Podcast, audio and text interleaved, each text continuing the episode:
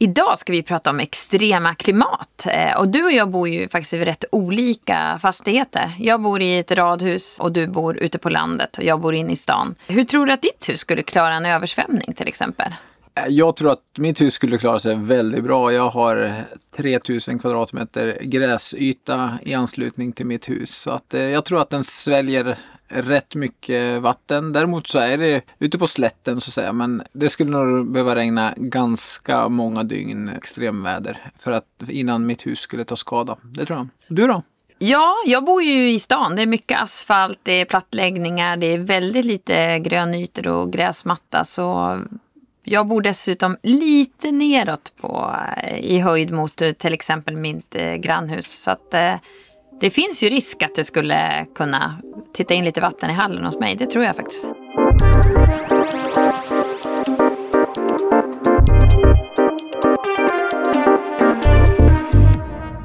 Välkomna till Smarta Hem-podden med mig Malin Hansdotter och Robert Bäckström. Vi arbetar till vardags på Stångåstaden som är Linköpings största bostadsbolag. I dagens avsnitt ska vi prata om hur klimatförändringar och extremväder kan påverka stadsplaneringen och våra fastigheter. Hur ska vi bygga nya fastigheter och hur kan vi anpassa befintliga fastigheter i förhållande till det här? Vår reporter är som vanligt Rickard Lindholm och han har tittat närmare på det här. Välkommen Rickard, vad kul att vi är här igen.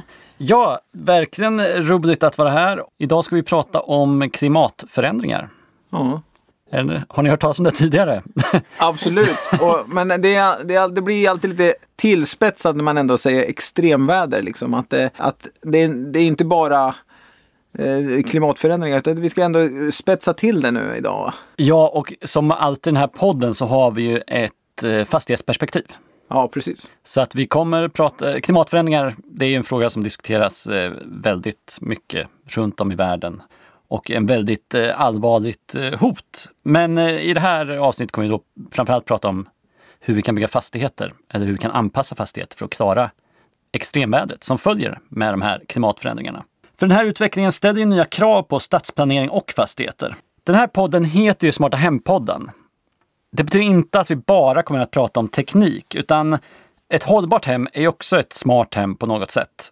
Så att eh, vi har en lite bredare ingång än vad traditionellt ryms inom smarta hem kanske. Ja, och hem är ju en del av en fastighet och fast är en del av en stadsdel. Så att vi, vi måste ju gå utanför. För hemmet, Exakt. hemmet är ju där vi bor. Ja, och allt påverkar varandra. Ja. Det är circle of fastighet.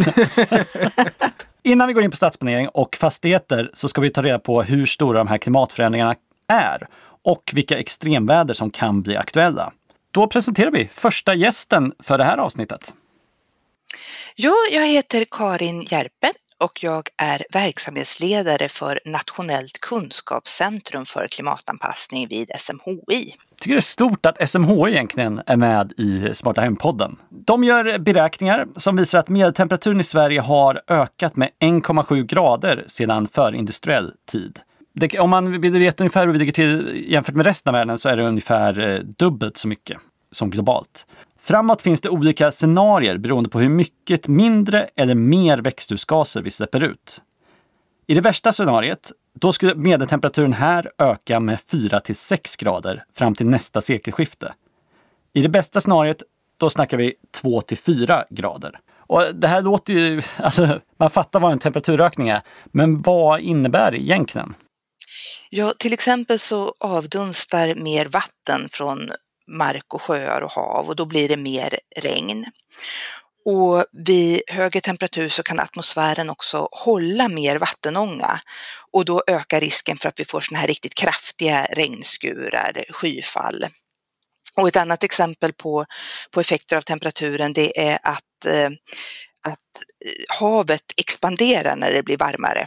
Eh, och det tillsammans med att isarna smälter gör då att vi får en havsnivåhöjning. Och sen så blir det ju sådana här indirekta effekter också, att regnar det mer så, så finns det, eller inte indirekta effekter utan effekter på samhället, att regnar det mer så, så ökar risken för översvämningar, risken för ras och skred, risken för värmeböljor som kan påverka människors hälsa, vi kan få problem med dricksvatten och livsmedelsförsörjning. Det är stora konsekvenser vi talar om här. Så det är inte bara att det blir varmare strandväder direkt, utan det här är ju väldigt allvarligt. Bara några få grader gör så stor skillnad alltså. Extremväder hänger alltså ihop med klimatförändringarna. För den som undrar då, vad är extremväder? Det definieras utifrån att det förekommer sällan på den aktuella platsen eller utifrån att det påverkar samhälle och miljö på ett kännbart sätt. Det är det som vi kan kalla extremväder för Sverige. Så det som är extremväder för oss behöver egentligen inte vara extremväder för någon annan plats i världen. Så när det snöar i Stockholm då är det extremväder? för det påverkar ju stockholmarna väldigt mycket. Det här är sånt där hat mot huvudstaden Tänk som letar på sig in. vad du säger nu Robert. I den senaste rapporten från FNs klimatpanel IPCC konstaterar man att extremväder har blivit vanligare över hela jorden. Men eh, i Sverige, vilken typ av extremväder handlar det om här egentligen? Ja, för, för eh, Sveriges del så när vi tittar på våra såna scenariekartor så ser vi både att kraftiga skyfall, värmeböljor kommer bli vanligare. Vi kommer också få större problem med torka, längre perioder med torka i delar av Sverige. Och man ser i, i den här IPCC-rapporten eh, så konstaterar man också att extremväderna både i intensitet och i frekvens kommer att öka med varje ytterligare steg i den globala uppvärmningen.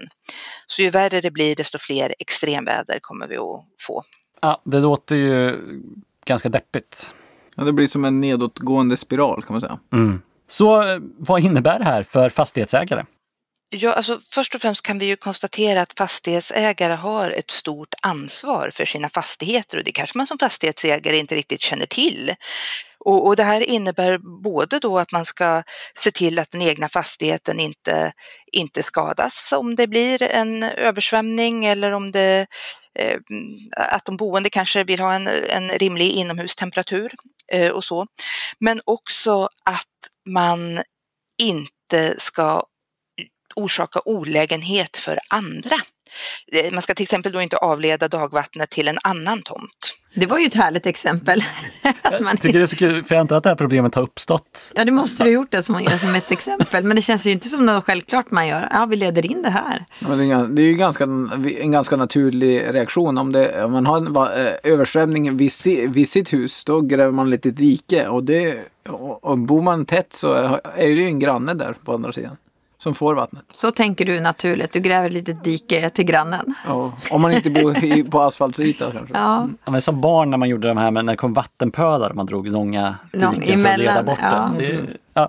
Men så ska man inte göra. Då. Man ska inte dra in vattnet till grannen. Utan steg ett, inse att du som fastighetsägare har ansvar. Och steg två är att få en bild av vilka risker det kan innebära just för dina fastigheter. Och hur man då ska möta de här riskerna vissa risker kanske man tänker att ja, ja, men det är ändå ganska osannolikt eh, enligt SMHI-scenarier att, att det kommer att bli översvämningar, ehm, eh, eh, ja, eh, enligt de scenarier att det kommer att leda till översvämningar i det här området.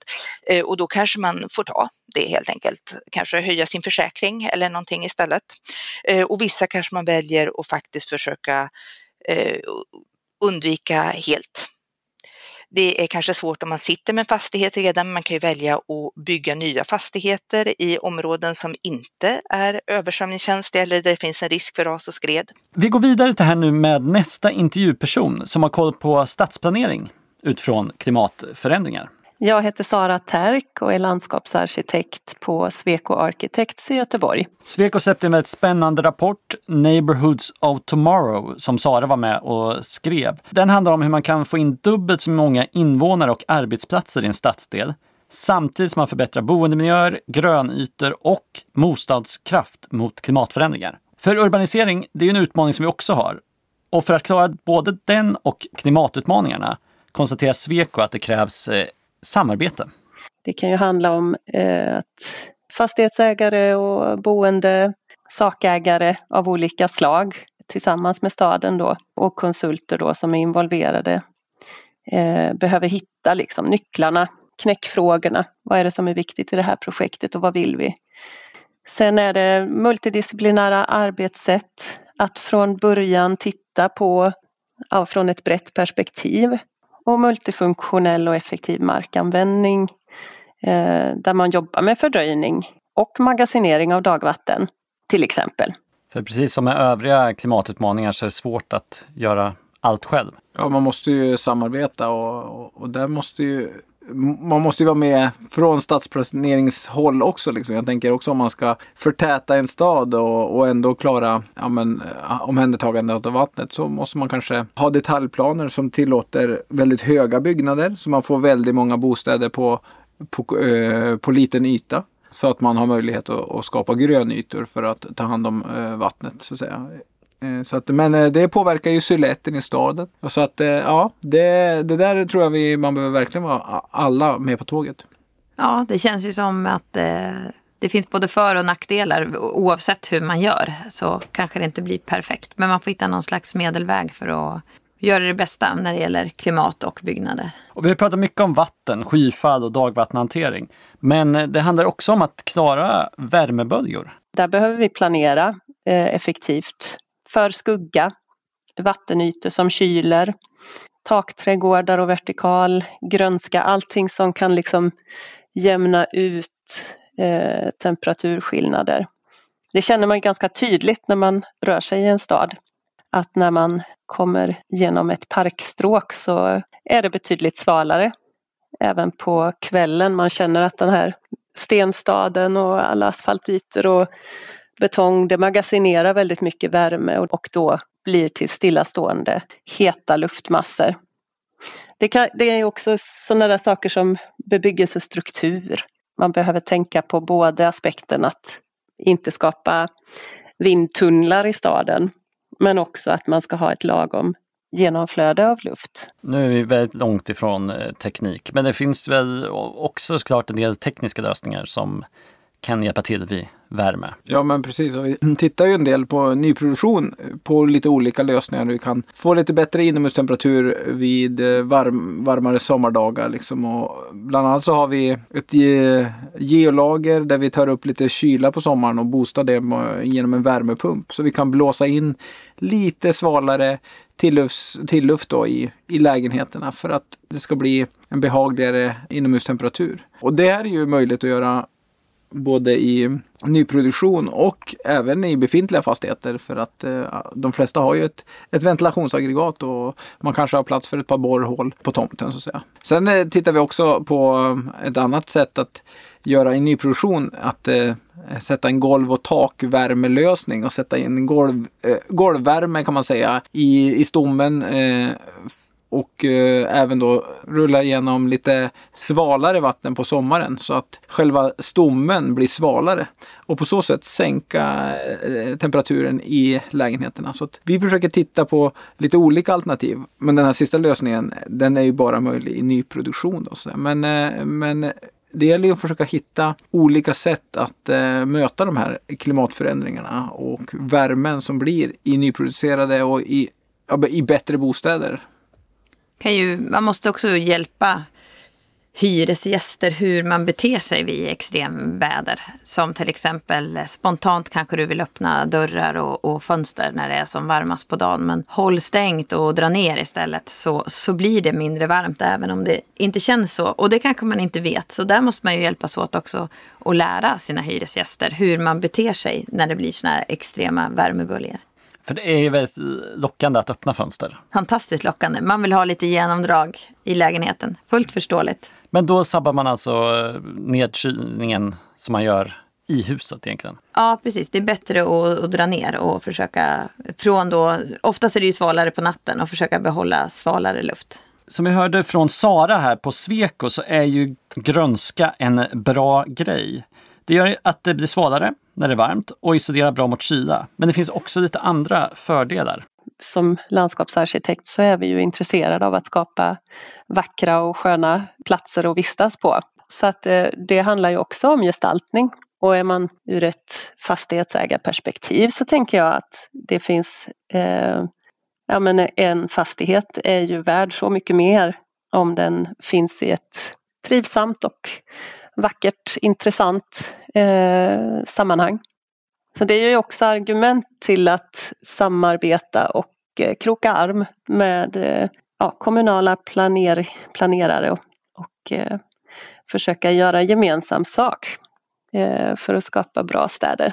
Så varför bygger vi inte höga häckar och träd överallt? Det är ju precis som hon säger, grönskan är ju viktig för att vi ska få eh, få härliga områden och eh, bo i.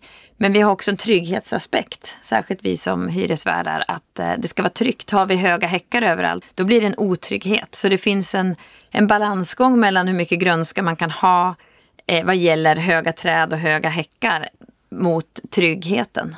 Så det är svårt. Gräsmattor är ju alltid tryggt. Men, det är ju, men just när vi kommer till, det kan vara lockande, åh vi ska ha jättemycket träd och höga fina häckar här och det blir så grönt och härligt. Men det är inte alltid det är positivt. Ja, precis de här gamla alléerna som man gjorde förr vid herrgårdar och sånt. Det Ja, det är alltid positivt om vi ser på miljöpåverkan såklart. Men eh, det finns ju en trygghetsaspekt också att bo. Och där behöver vi ta hjälp av landskapsarkitekter som hjälper oss att hitta växter och eh, ja, men utformning som gör att det blir tryggt och fortfarande eh, som drar åt sig mycket fukt, eh, samlar upp mycket vatten så att man tar hand om eh, vattnet och samtidigt så blir det väldigt trivsamt så man vill vara ute och, i, eh, i naturen. Och sådana växter måste ju finnas, förutsätter jag. Absolut. Ja.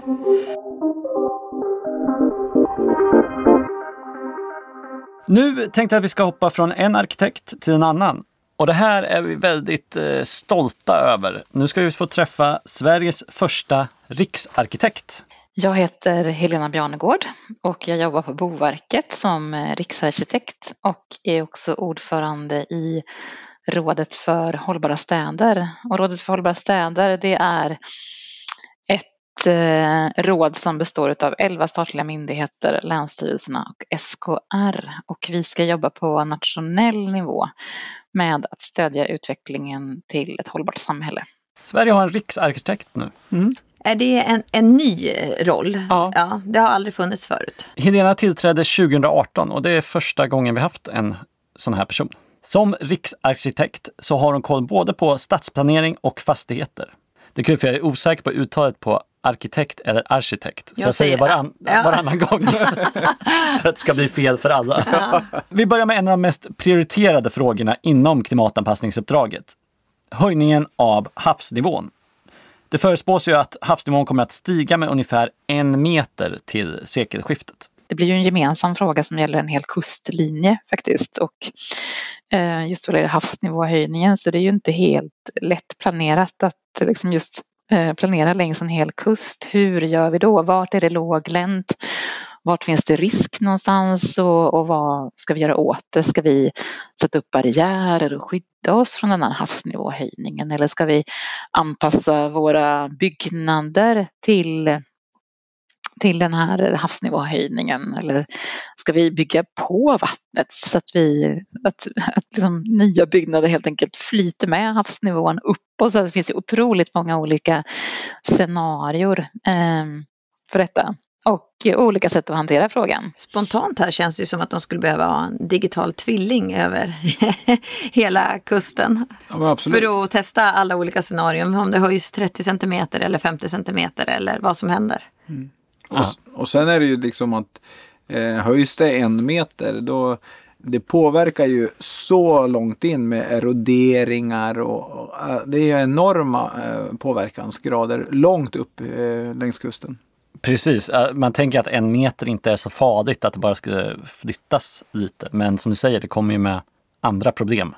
Och för att klara de här utmaningarna så finns det väldigt mycket kvar att göra. Nu är vi bara i början, men en hel del aktörer har ändå kommit en bit på vägen. Det finns, det pågår väldigt mycket arbete redan idag. Eh, tittar vi på omhändertagande av dagvatten till exempel så är det ett eh, område som faktiskt, eh, ja, det händer väldigt mycket skulle jag vilja säga. De nya gatorna i Malmö som man bygger i, i när man bygger om gator så så får man ju väldigt tidigt i planeringen med dagvattenmagasin med, med väldigt mycket grönska i gatumiljön. Man, man gör plats för dagvattenmagasin som innehåller grönska som tål extrem torka, som tål mycket vatten, som tål salt och som bidrar till biologisk mångfald och som gör att man inte behöver eh, köra ner dagvattnet i i ledningar som går till reningsverket och, och blanda det med, med det vanliga avloppsvattnet utan att man verkligen tar om hand om vattnet på plats. Och tittar vi i norra Djurgårdsstaden så finns det ju sådana lösningar överallt i den nya stadsdelen också. Så det svåra är ju hela tiden i de befintliga miljöerna som vi kanske inte alls har tänkt att vi ska bygga om eller inte har pengar att bygga om dem. När vi bygger nytt så får vi väldigt mycket mer frågorna. Så det är ju framförallt i det befintliga, där måste vi jobba mer och bättre. Jag ska bara säga att Norra Djurgårdsstaden är ett stadsutvecklingsområde i Stockholm för de som inte känner till det innan. Och det hon säger här är ju, det är ju verkligen på tapeten. Det märker man ju när man håller på i nya projekt och så. Att lokalt eller omhändertagande, fördröjningsmagasin, eh, magasin överhuvudtaget och även i, när man projekterar gator i, i kommunal mark. Och, och på att, det, att det finns, det är verkligen på tapeten. Ja, för den stora risken är ju när, det bara, när man bara släpper på allt på en gång. För då är det underdimensionerat, eh, alla våra avlopp och så, idag för att kunna hantera den mängden. Det är fantastiskt tyckte jag de pratade om att man utnyttjar det till någonting där det kan växa saker istället för att bara trycka iväg det. Det måste ju verkligen vara framtiden. Vi måste ju utnyttja det på plats liksom. Vi måste ju få ner det på plats så vi inte får iväg det till reningsverken för det, det kommer vi inte kunna hantera i framtiden. Nej, och vi behöver ju inte trycka iväg det till reningsverket. Det är ju, det är ju faktiskt vatten som kanske inte vi kan använda men som växter kan använda. Ja, och om det börjar blandas med avloppet och det vattnet börjar komma ut, det är inte det trevligaste som man vill komma ner Det hoppar vi gärna heller. över. Ja. Det är då man får dåligt eh, dricksvatten sen om det börjar blandas. Men apropå stora mängder vatten, eh, för att skydda en byggnad vid mycket regn eller till och med skyfall så finns det några grundläggande saker att komma ihåg. Något som vi har, sådana saker vi har vetat länge och som man har byggt efter. Till exempel, marken ska luta bort från fasaden. Du ska ha bra dränering och så vidare. Men Helena har några tips till som man kan tänka på. Ja, men det viktigaste man ska tänka på just vad det gäller vatten det är ju verkligen att, att, eh, att byggnaden liksom är, eh, är tät men fortfarande kan andas. Att, att man faktiskt har ett tak som skyddar byggnaden på olika sätt. Eh, man kan ju också liksom titta på liksom lite mindre åtgärder som att man byggt tak över källartrappor och sådana saker. Oftast så finns det ju eh, kanske en källartrappa där det liksom rinner ner väldigt mycket vatten och det finns liksom risk för att det är just där vattnet kommer in i en källare och det blir översvämning exempelvis. Hur ser vi till att vi skyddar eh, sådana specifika eh, delar i en, i en byggnad? Och sen handlar det om, om stora, och där kan inte jag gå in på konstruktion, men, men där får man ju vara också varse eh, när det blir mer vatten och det blir mer fukt, hur, vilken konstruktion väljer man då som faktiskt är mindre känslig för eh, olika former av påväxt och, och mögel och, och sådana saker. För det blir ju Eh, ett av problemen som vi kommer ha framöver det är ju att vi får liksom varmare och fuktigare luft och, och, mer vatten. Så det behöver man ju ta hänsyn till i sina konstruktioner. Och det, det tror jag att, att vi har ju börjat tänka på det i nyproduktioner just att eh, hur vi, hur vi utformar källare, källarträppar men, men även hur vi um, utformar luftning på vindar och andra grejer just för att det, det, det kommer ändras och det har ändrats. Eh, Eh, så att säga. Men eh, i befintliga fastigheter så är det ju inte lika lätt. Det är ju, källaren är ju redan byggt och så, så att det, det blir mer kostsamt att eh, göra om. Ja, och jag tänker där är också ofta om man letar nytt hus, det är ju ofta tillväxt uppe på vindarna av liksom diverse saker man inte vill veta vad det är. Och det måste ju vara att den här fuktiga luften också ökar. Ja, om man vill veta statusen hur det, hur det ser ut där ska man läsa besiktningsprotokoll i samband med att eh, det säljs en villa. Ja. Då hittar man mycket. Jag har intrycket av att man var ganska duktig på såna här grejer förr. Sen har vi haft en ganska lång period där man inte har tänkt så mycket på det. Eh, min mamma bor utanför Örebro, eh, norr om Ervalla heter det, ganska liten by.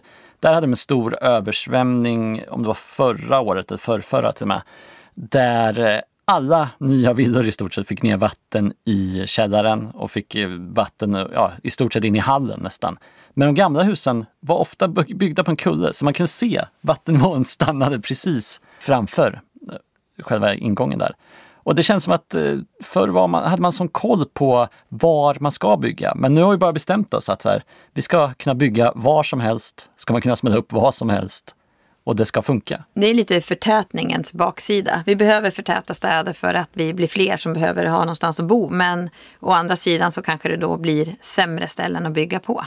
Ja, och så sen är det en sänka där och så sen vill vi inte höja marken för mycket. Både för att det kostar väldigt mycket pengar och för att de geotekniska förutsättningarna på marken gör att om vi öser på massor med, massor med meter jord då eh, ändrar vi de geotekniska förutsättningarna och det blir det är kanske så att vi måste påla marken där istället. Så det, det påverkar jättemycket liksom det här eh, att vi ska bygga överallt nu.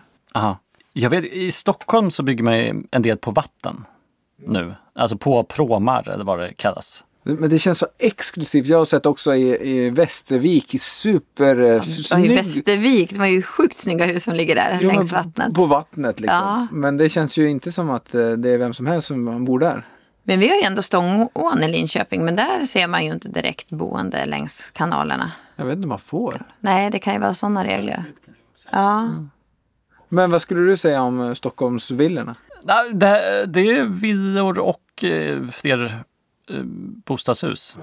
Så att det är inte bara sådana, bara dyra villor. Utan här har man satt upp eh, några sådana. Det är utåt mot eh, Nacka. ja, men det har jag sett. De har Ja. byggt ett helt bostadsområde där. Exakt. Det är ju superfint med de här stora altanerna på taket och de har ju liksom, alla har ju sjötomt. det, är ju, det är ju väldigt fint. Åt alla håll. Ja, men det är väldigt smakfullt gjort där. För ibland kan det ju kännas lite att du bor på en båt. Men Ja. den känslan har de ju lyckats bygga bort. Ja, det är, det är som att man satt ut två gator bara, Ja, rakt ut i vattnet. Fast ute i vattnet ja. ja. Och, och det där löser ju bostadskrisen lite grann. Men det, är, det, lås, det löser ju inte extremvädret eh, generellt i Sverige. De kommer bara flyta med. Ja, ja, för dem ja. Nej. de får fortfarande väldigt varmt, men då kan ha dem nära till badet. Ja. Ja, men precis.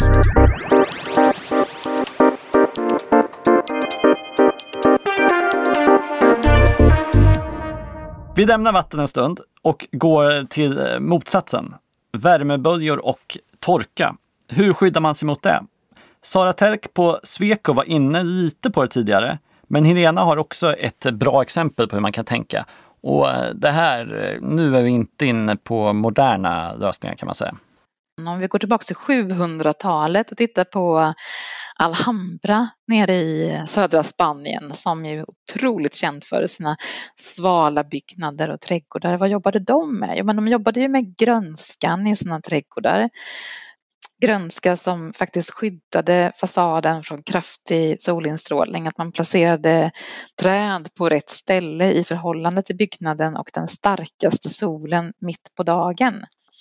Där har de också jobbat med fantastiska lösningar som handlar om att man får in liksom så här, den, här, den här brisen, att man liksom får in brisen på ett bra sätt i, på de här innergårdarna i pelargångarna. Att man, oftast när man går där så, liksom, så fläktar det ju lite fast vinden nästan är stillastående på andra sätt. Så på något sätt så har de ju byggt så att de fångar upp den här lilla vindpusten som ändå kan finnas som gör att det liksom fläktar ut eh, i byggnaden.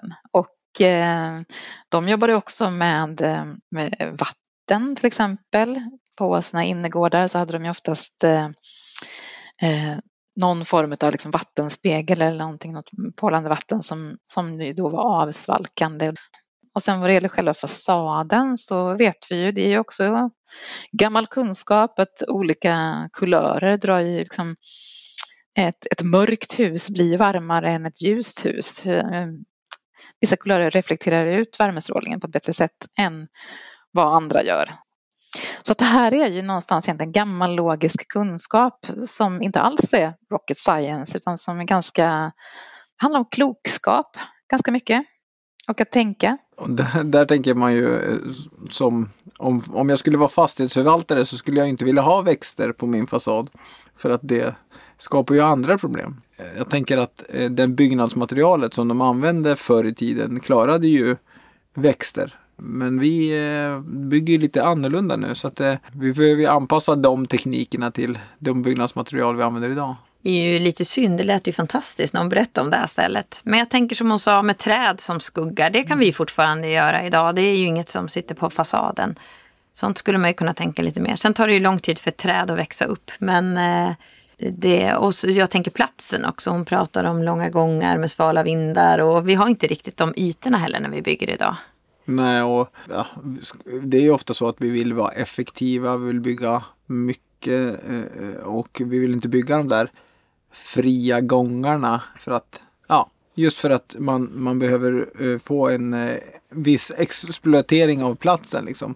Och när man pratar om träd så är de ju det funkar ju kanske på en och två våningar men of, ofta så är det ju eh, hus nu som, som kanske är sex till tio våningar. jättehöga träd Robert. Jättehöga träd på södersidan. Stora Och palmer. Jag skulle Men- in. Hur ställer ni er till det här med vatten då? Ja, det, det är ju ett proble- problem för att eh, om man har en, en vattenpöl eh, så, så, Bygga en vattenpöl? ja, men så då kan ju barn drunkna där eh, enligt lagar och regler så då måste man ju ha det instängslat och så sen måste det skötas och så här. Så, att det, så ah, allt det här som är så bra eh, blir ju lite krångligt. Eh, både att bygga och förvaltningsmässigt och så sen eh, ganska dyrt eh, att förvalta en, en, en, en större vattenpöl som ska, vattnet ska bytas och eh, barn inte ska drunkna i den. Det känns ju som våra lagar och, och regler gör det lite svårare. För det finns ju regler på väldigt mycket när man bygger ett hus och hur det ska se ut runt omkring. Medan här hade de nog fria händer och det skulle vara härligt och mysigt och fint. Och, och det är det nog också. Ja, jag tror inte det var så mycket regler just i Alhambra på 700-talet. Nej. Det känns inte som att det, det var stenhårt med. Och- och. Ibland så kan jag bara tänka, hade, hade de bara tur där att det blev en sval bris i den där gången? eh, Att de vände huset åt det hållet. Och, så här. Alltså, det känns inte som att de hade tur i en hel stadsdel. Nej, det kanske de inte hade. 1300 år senare sitter vi och hyllar det. Ja, ja men precis. Att, att det var Och, någon och de som... bara byggde lite. Ja, precis. Ja, men då landar vi att det är grönska som är det vi kan göra egentligen? Är det det som är svaret på extremväder? Och vatten är ju som du sa, det är risk för barn, men det är ju också det att sköta. En, ett vattendrag du bygger upp som inte sköts, det blir ju, något, det blir ju ofräscht istället. Så att det, det är nog grön, grönska är nog den lättare, lättaste lösningen. Och sen skapar ju vatten skapar ju en enorm trivsel också. Så kan man, kan man få till det på ett bra sätt. Både som eh, omhändertagande av dagvattnet då, som, men samtidigt som avkylande. Så det är en bra lösning tycker jag också. Jag har inte tänkt på, för det är så många fontäner som bara är att det sprutar vatten och sen är det nästan inget som ligger kvar. Alltså det går runt direkt. Det är helt enkelt för att ingen ska kunna drunkna i det. Så är det. Jaha, där, då, lärde man sig, då lärde jag mig Då har du lärt dig det. något idag. När vi ändå har pratat lite vatten här så tänkte jag att vi kan hoppa tillbaks till Karin Järpe på Nationellt kunskapscentrum för klimatanpassning vid SMHI som har ett eh, tips. Nej, men det jag skulle kunna säga också är faktiskt att då på den här webbplatsen klimatanpassning.se så finns det en ingång specifikt för fastighetsägare. Och här finns det då en, en, ehm, till exempel en länk till fastighetsägarna som har tagit fram en skrift med tips och råd på hur fastighetsägare kan gå tillväga för att klimatanpassa sina fastigheter och det finns annat smått och gott. Så det finns en särskild ingång för att vi tycker att fastighetsägare är så himla viktiga. Så därför är det roligt att få vara med i den här podden idag. Det är väldigt roligt att ha Karin med också. En sak som är väldigt kul på den hemsidan, som jag tänker att vi tre kunde testa till nästa gång, är att man faktiskt kan testa klimatanpassningar i Minecraft. Gud vad roligt. Så man kan gå in och spela och sen så simulerar man olika Ja, framförallt eh, vid översvämning som jag har förstått. vad man ska göra. Ja. Men det har man ju sett, grabbarna hemma, de sitter ju och så flyttar de vattnet och så sen här skapar vi vatten, en sjö och så, så skapar de en å. Så där kanske man ska lära sig något. Ja, det är de som sitter på lösningarna helt enkelt. Det är nästa generation vi ska vänta in, sen kommer vi ha löst klimatpåverkan. Men Minecraft är också att det går med den här lilla hackan. Det är Ja. jobbigt om du tänker att det är så vi ska... Det ska kommer ta tid. Det är bäst vi börjar nu. Vi skalar upp det till stora grävmaskiner. Ja. Vi har ju pratat om vatten, sol. Jag kom på att vi har inte sagt något om vind va? Eller lite om vind har vi sagt. Men, Lite av den smalka, Den svala gången. svalkande vinden i Alhambra. Ja. men det kan ju också bli problem med vinden.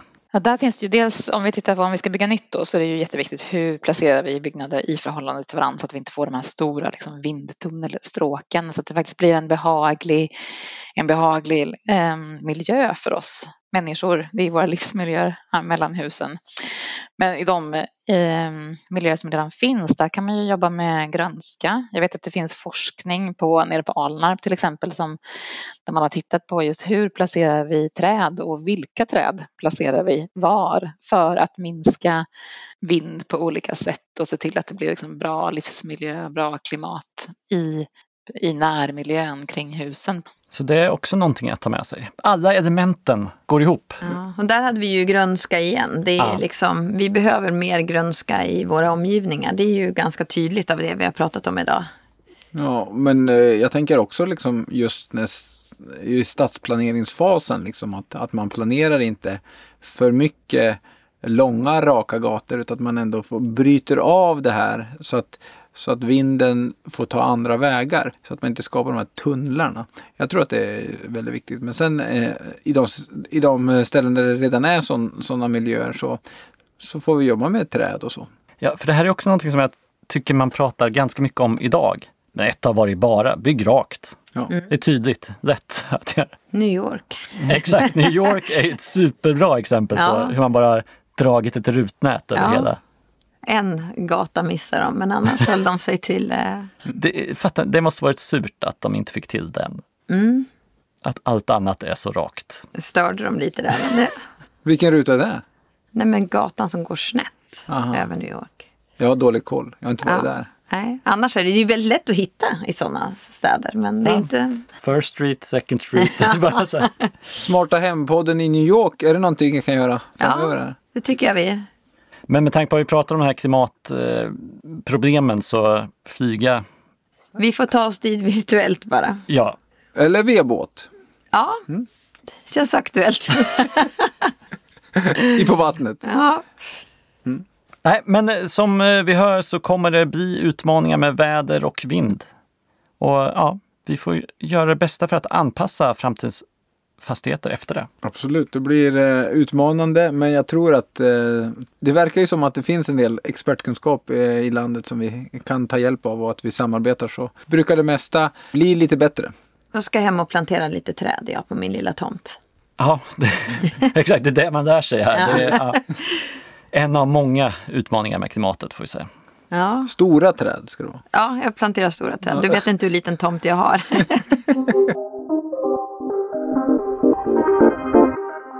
Malin, vad tar vi med oss idag? Ja, vi, vi tar ju med oss att vi har väldiga utmaningar framåt. Men eh, det finns ju också hopp. Vi kan ju göra saker för att för, försöka förebygga det så gott det går framåt. Kanske våra ungdomar som kommer eh, lösa det här eftersom de, eh, även om jag har skrikit på dem när de sitter där framför datorn, det är kanske de som löser världsproblemen framför Minecraft. Det vet vi ju inte. Nej, precis. Men eh, vi ska inte luta oss på, tillbaka oss för det. Utan det, vi får börja nu. Det är allvarligt. Vi får börja spela Minecraft. Så är det. Om du har något förslag på vad vi ska ta upp och, och prata om här på podden så kan du mejla oss på podcast stångåstaden.se. Du har lyssnat på Smarta Hempodden med mig Malin Hansdotter och Robert Bäckström. Våra reportrar är Rickard Lindholm och Josefin Svenberg. Den här podden ges ut av Stångåstaden och produceras av Edison.